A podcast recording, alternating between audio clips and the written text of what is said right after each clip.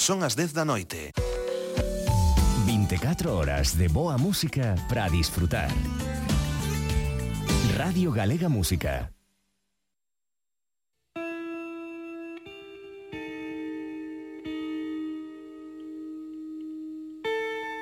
Cara B, con Manuel de Lorenzo.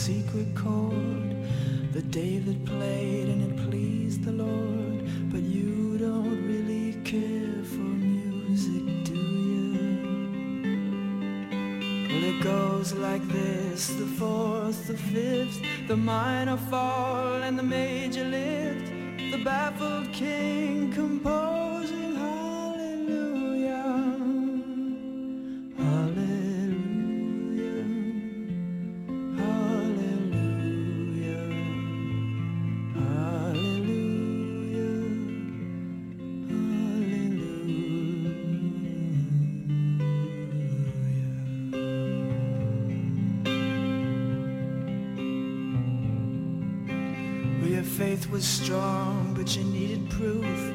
You saw her bathing on the roof, her beauty and the moonlight overthrew you.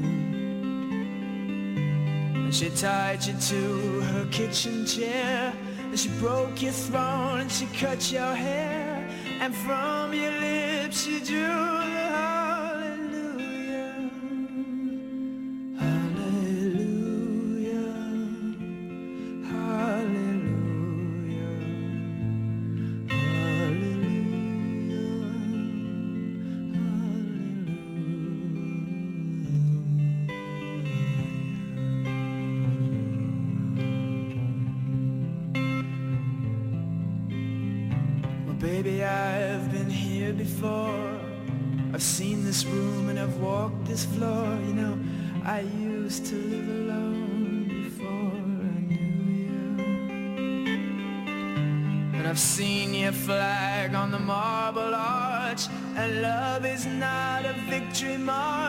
It's a cold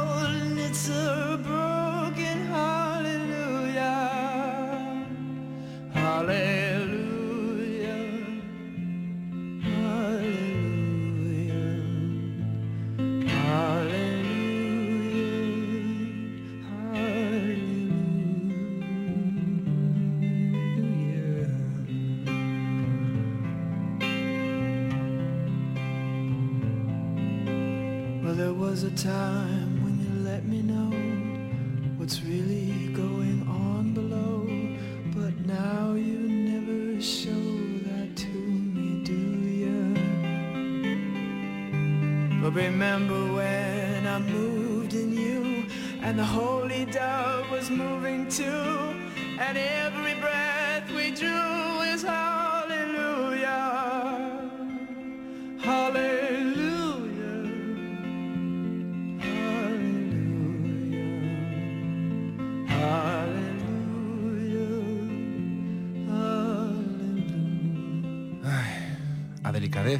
a arquitectura mínima de cada acorde, de cada sección, a sensibilidade de toda esta peza é verdadeiramente asombrosa e inspiradora.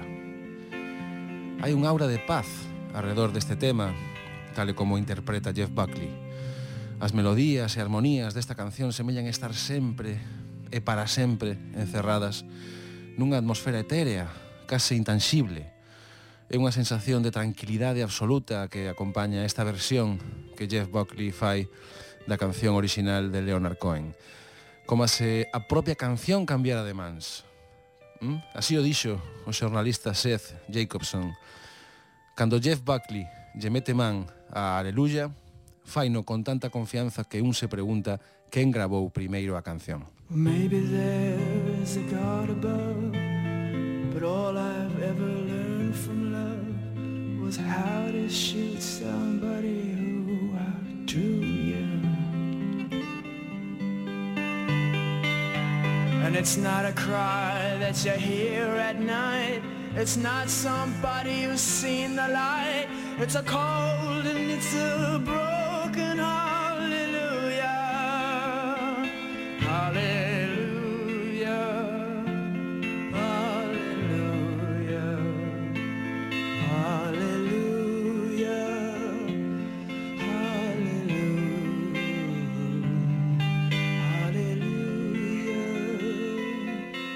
Jeff Buckley provocou a admiración de lendas como Jimmy Page, Paul McCartney ou Bob Dylan e inspirou a dúcias de artistas como PJ Harvey, Rufus Wainwright, o líder de Radiohead, Tom York, Matt Bellamy, que é o líder de Muse, ou Elizabeth Fraser, a vocalista da banda Cocteau Twins, que era íntima amiga de Jeff Buckley e que escribiu e interpretou a letra e a melodía de voz de Teardrop, o mítico himno de Massive Attack, que é un homenaxe o seu amigo, falecido en extrañas circunstancias.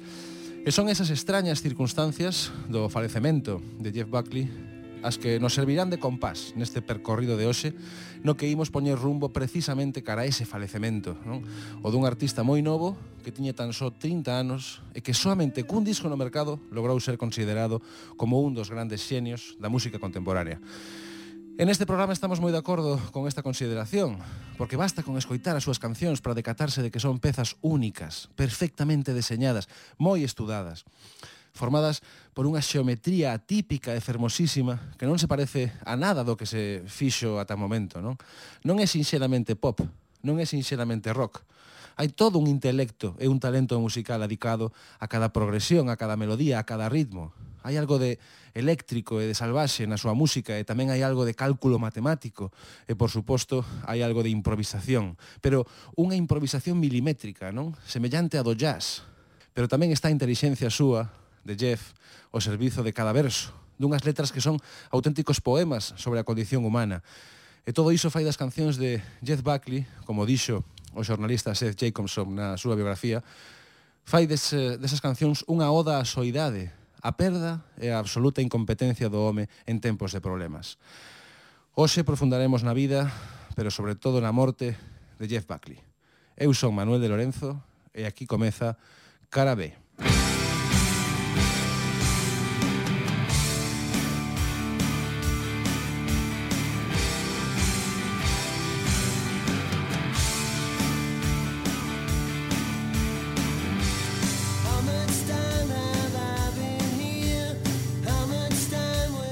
vida de Jeff Buckley foi moi breve, a súa obra tamén.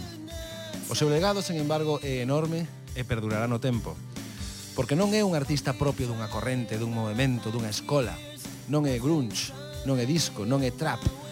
É un músico que xa forma parte da historia da música dun xeito, digamos, transversal. E non me extraña, porque estamos a falar de alguén capaz de escribir e tocar e cantar maravillas como esta, que ven a continuación, contida no seu único álbum, chamado Grace.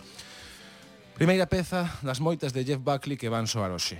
Escoitamos a magnífica e delicada Lover, You Should Have Come Over.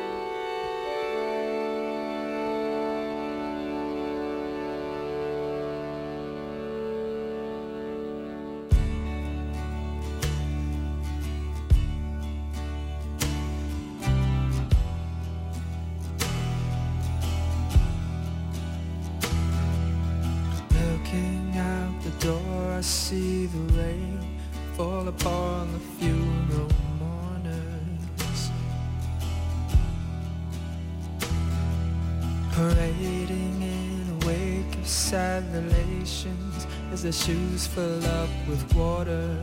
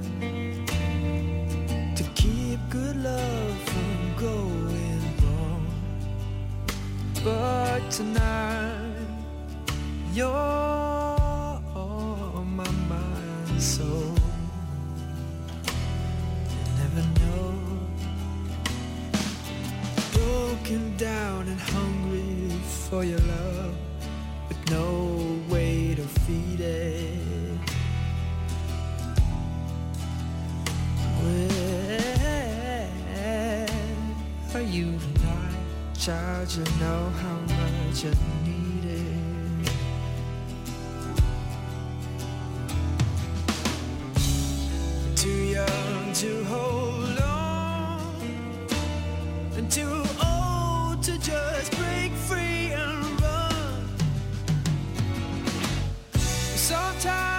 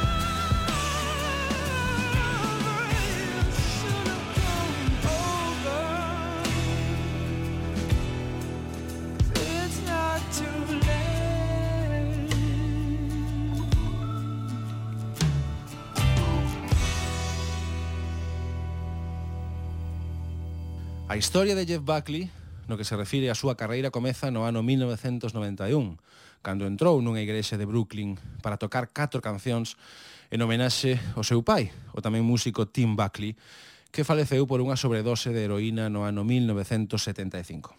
Catro interpretacións, as dese día, que asombraron os presentes e, de paso, asombraron o mundo enteiro, porque naquel acto, en memoria do seu pai, a quen case non coñecía, estaban algúns homes e algunhas mulleres das máis importantes da industria. Homes e mulleres que de súpeto viron en Jeff un potencial que fascinaría a calquera que o escoitara. Entre as cancións que interpretou aquel día, naquela igrexa, había unha do seu pai chamada I Never Asked to Be Your Mountain. A canción coa que Tim Buckley eh, lle dicía a nai de Jeff, do seu fillo, que el non pedira ser pai e que non se sentía capaz de selo. Por iso nunca se fixo cargo do seu cativo, algo que a calquera lle resultaría egoísta e injusto, e sen embargo houve un sentimento de redención, un sentimento de perdón que encheu aquela igrexa cando Jeff tocou esa canción de seu pai. Para Jeff foi como volver a ver a ese home, o que apenas coñecía, pero 15 anos despois. Foi como empezar a reconciliarse con ele a través da súa obra. Sobre o seu pai dixo, admiro como músico, non o coñecín como pai. Unha frase transparente e demoledora.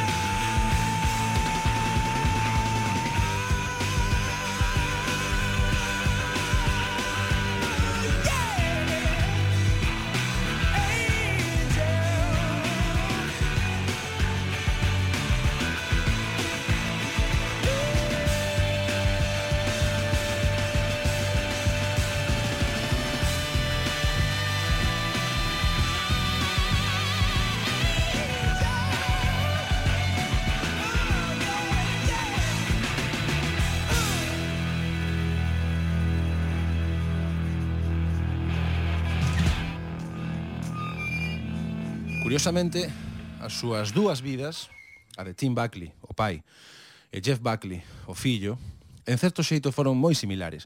Os dous se gañaron a vida atendendo mesas e servindo cafés ata que foron descubertos polo seu talento. Os dous estaban plenamente interesados na evolución das estruturas musicais e na complexidade das pezas que escribían, e os dous morreron en circunstancias moi difíciles de explicar. Pouco antes da súa morte, Tim Buckley pasou uns días co seu fillo. Foi o único contacto físico que tivo co seu fillo. Antes dese encontro, o neno era coñecido por todos como Scotty Moorhead, un alcume eh, o de Scotty que proviña do seu segundo nome, xa que el se chamaba Jeffrey Scott, e un apelido Moorhead que era o do segundo esposo da súa nai. Un home do que, por certo, recibiu toda a súa educación musical. Se, se o seu talento, digamos, proviña con case toda a seguridade do seu pai biolóxico, Tim Buckley, a súa formación, a formación de Jeff Buckley, o seu interese pola música proviña da formidable colección de vinilos do seu padrastro, onde se despertou a súa paixón por Led Zeppelin, un dos seus grupos favoritos que ás veces mesmo parecen estar presentes nas cancións de Jeff Buckley, como por exemplo neste tema que ven a continuación, Dream Brother, onde tamén atopamos unha certa lembranza de Doors por momentos, non? Pero iso sí, sen perder a personalidade propia de Jeff en ningún momento.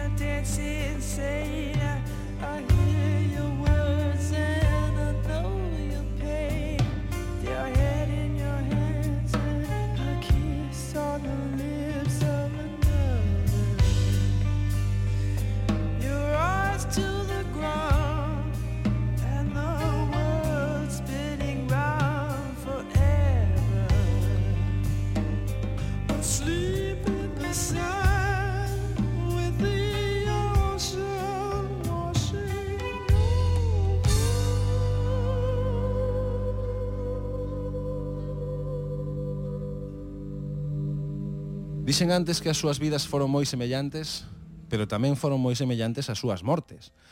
A do pai e a do fillo. A morte de Tim Buckley, en xuño de 1975, está sumida nun profundo misterio. O que aconteceu entón está formado por diferentes momentos. Unha noite de drogas e de borracheira que se fixo demasiado longa, unha visita ao seu amigo Richard Killing en busca de algo máis co que colocarse, unha bolsa de heroína que Tim esnifou, para gañar unha aposta, xa sabedes, cousas de tolos. O final a festa seguiu ata que o músico comezou a toparse moi mal, levaron a súa casa, tremendo xa, e a súa segunda muller deitouno na cama, pero xa era demasiado tarde. Pouco despois, eh, ela mesma atopou no inerte de cor azul sen pulso. Tiña 28 anos e o seu fillo, o que solamente lle prestara atención unha vez, había moi pouco tempo, tiña oito. Cando dúas décadas máis tarde aproximadamente o seu fillo apareceu naquela igrexa para participar na homenaxe ao seu pai, o público emudeceu. As crónicas dese día na prensa eh, afirman que a interpretación e o sentimento de Jeff durante esa noite no concerto naquela igrexa en homenaxe ao seu pai, o que apenas coñecía, encheron o recinto dun xeito máxico. E así o declarou el mesmo despois daquela actuación, dixo, molestoume non estar no seu funeral aproveitei esta homenaxe para mostrar os meus respetos. A pregunta, logo, naquel momento era onde estivera Jeff, onde estivera o seu fillo todo ese tempo, non? Por que con ese talento non era unha, unha estrela xa naquele instante? Como era posible que Tim Buckley non lle falara dela a ninguén, a ninguén? Eh? Como é posible que o tivera oculto o seu fillo durante todo aquel tempo? A resposta é moi simple. A relación entre ambos, entre pai e fillo, non existiu. Non é que non fora, non é que non fora moi estreita ou que resultara complicada, é que non existiu nunca. Tim antepuxo a súa carreira musical a súa propia fami familia. E cando el morreu, Jeff tiña a sensación eh, de que o seu pai era realmente Ron Murger, o seu padrastro, non? Alguén que, como dixen, contribuiu a que Jeff crecera entre a música clásica da súa nai e as cancións de Led Zeppelin ou de Jimi Hendrix que el escoitaba. Ao final, malia estar moi lonxe do seu pai, eh, a estrela creceu, esta estrela do rock que é Jeff Buckley, eh, e criouse rodeado de música. Non é de extrañar que poucos anos despois se convertera nun artista para destacar dentro do rock alternativo. Tras uns cantos adiantos en forma de demos e de maquetas, Jeff Buckley, que agora sí xa se chamaba Jeff Buckley e non Scotty Moorhead, publicou en 1994 o seu único disco, o seu legado, o fantástico álbum Grace que pronto se convertería nunha peza esencial da música do século XX.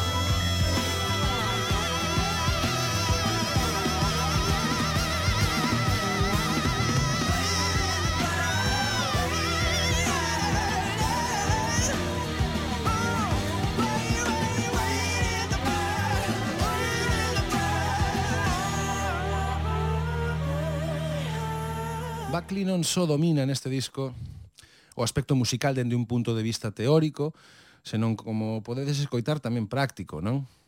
É quen de demostrar que posúe unha voz única, unha técnica depuradísima coa guitarra, é un estilo moi moi difícil de igualar. E todo isto apoiado sempre sobre unha eh, personalidade insuperable, non? Porque a quen se lle podería ocorrer eh, incluir nun disco debut unha versión de Aleluya, a canción de Leonard Cohen coa que abrimos o programa de hoxe ou unha versión de Lilac Wine eh, popularizada por Nina Simone ou unha versión dunha panxoliña, non? Todo iso está nese primeiro disco. Non é como dicirlle ao mundo que tes as cousas moi claras como músico e que non te importa o que pense a crítica.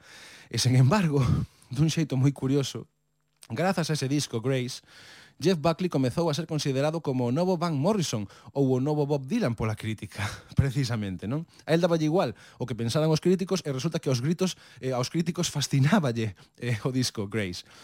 Eh, pode que o público non respondese de forma masiva, é certo, en canto ás vendas ao comezo. A él, ademais, molestáballe ser destacado case sempre pola xente eh, cando se referían únicamente ao seu atractivo físico, pero as grandes cabeceiras Comezaron a sinalalo como unha das grandes promesas musicais do momento e rematou sendo unha das lendas musicais máis grandes de sempre. Hm? Jeff Buckley tiña o todo nese, nesa, nesa época. Tiña o todo. Rematara unha xira por todo o mundo con ese disco baixo brazo, actuar en salas de gran fama e xa comezara a preparar o seu próximo álbum, My Sweetheart the Drunk. Un disco que prometía moitísimo, pero as cousas non aconteceron como estaba previsto. Cando o universo sonreía a Jeff Buckley, xusto cando a súa carreira se topaba onde el quería, chegou o seu final. Dun xeito totalmente inverosímil. Mm -hmm.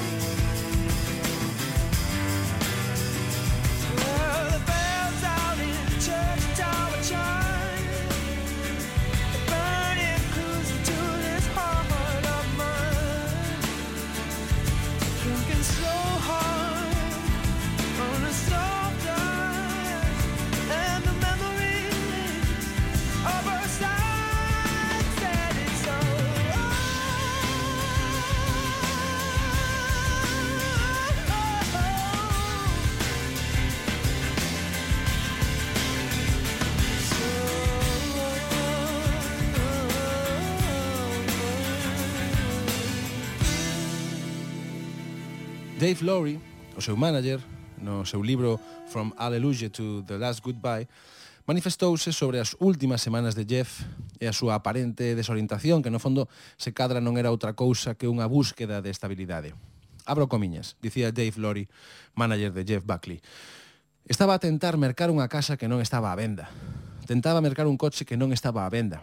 Propúxolle matrimonio a Joan Weiser, a súa moza, Mesmo solicitou un traballo como gardabosques no zoolóxico de Memphis. Unha chea de cousas raras que non eran características del. Creo que foi un anelo de establecerse. El quería unha vida normal. É o que di no seu libro o manager Dave Lori.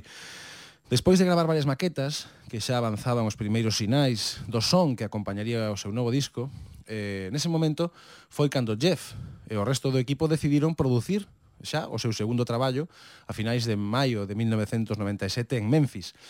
E tal e como se conta na biografía escrita polo xornalista David Brown, o cantante chegou á cidade cunhas horas de antelación, polo que decidiu dar un paseo xunto ao seu amigo Keith Foti, mentres o resto da banda eh, aterraba no aeroporto.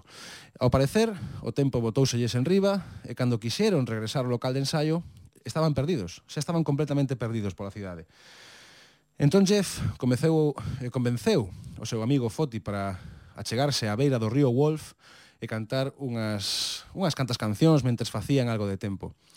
Segundo o testemunho do seu amigo, sobre as nove da noite dese 29 de maio de 1997, Jeff Buckley meteuse no río e púxose a nadar sen quitarse nin sequera as botas que levaba postas. Nese momento pasaron por ese sector do río dous grandes barcos que asitaron moito as augas e cando o seu compañeiro quixo entender que pasaba e onde se atopaba Jeff, o cantante xa desaparecera na corrente do río.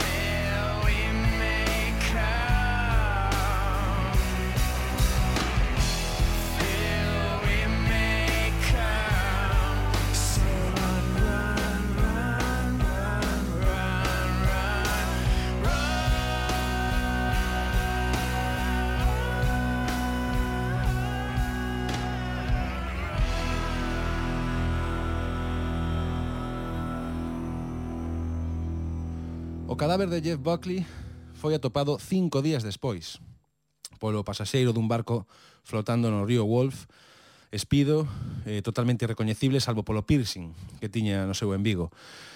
Vou rescatar aquí as palabras do seu amigo e manager Dave Flory.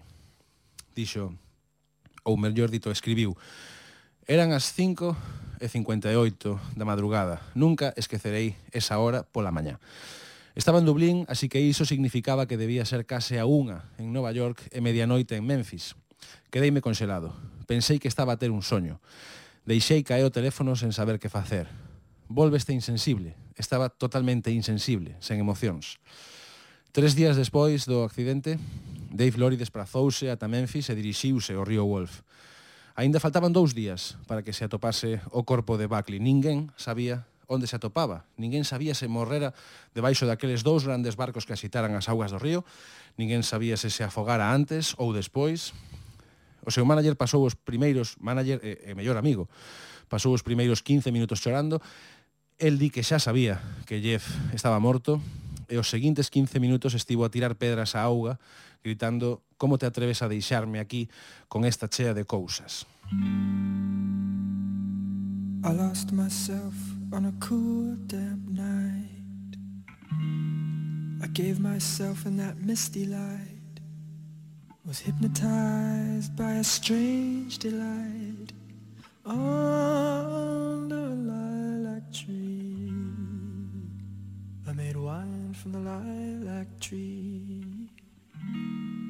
Put my heart in its recipe. Makes me see what I want to see be what I want to be. When I think more than I want to think, or do things I never should do. I drink much more than I ought to drink, because it brings me back you.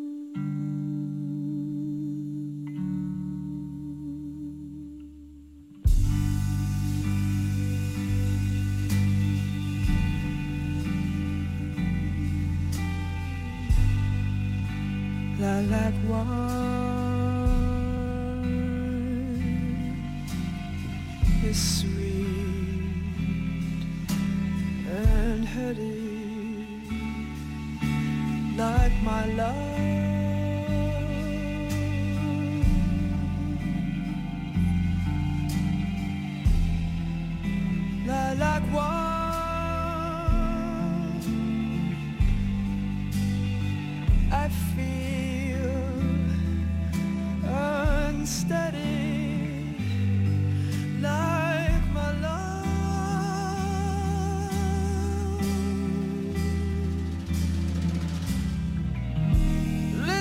To me, I cannot see clearly.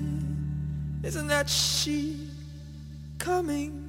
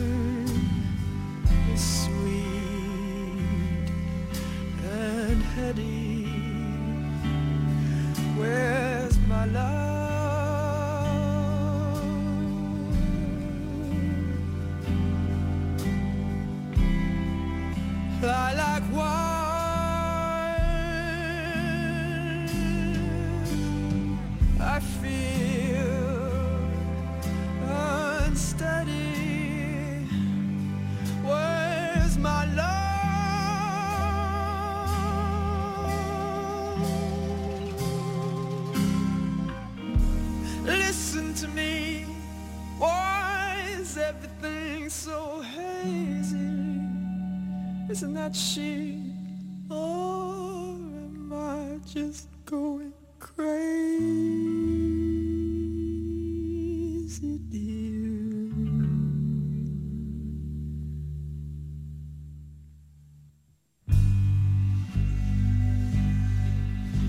Lilac wine. A autopsia revelou que Jeff non tiña restos de alcohol ou drogas no sangue non tiña restos de drogas nin restos de alcohol no sangue.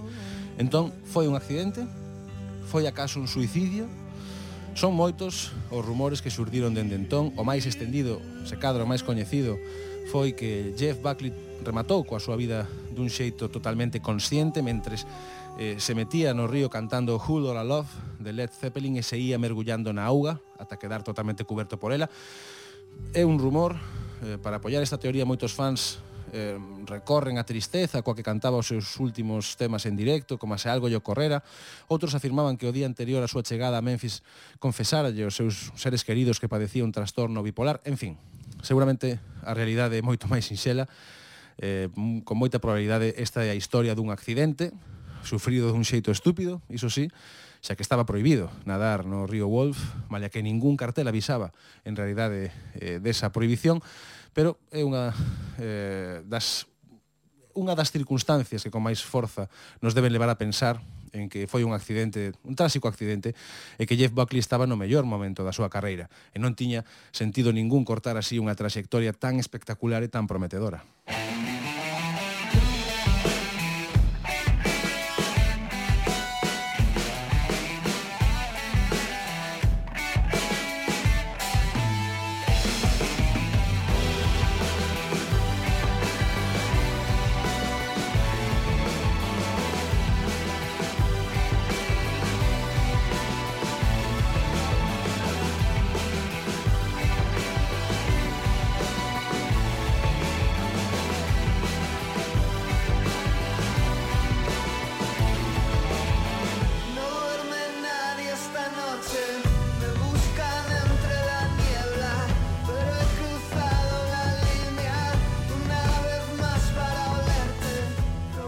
nada máis. Ata aquí o programa de hoxe, un programa no que vos trouxemos outra desas historias nas que se agocha de, a parte de atrás do rock and roll, non? Historias que acontecen entre bambolinas, a cara B dos mitos que dan forma ás lendas do rock e o pop. Agardamos que vos gustara tanto como a nós este relato sobre a morte de Jeff Buckley e todo o que eh, chegou a Talí e esperamos por todos vos na vindeira entrega de Cara B. E xa que Jeff apareceu no Río Wolf, deixo vos con este magnífico homenaxe en forma de canción que xa está a soar por parte de Rufus T. Farfly, que se chama precisamente Rio Wolf. Cuidadevos moito. Para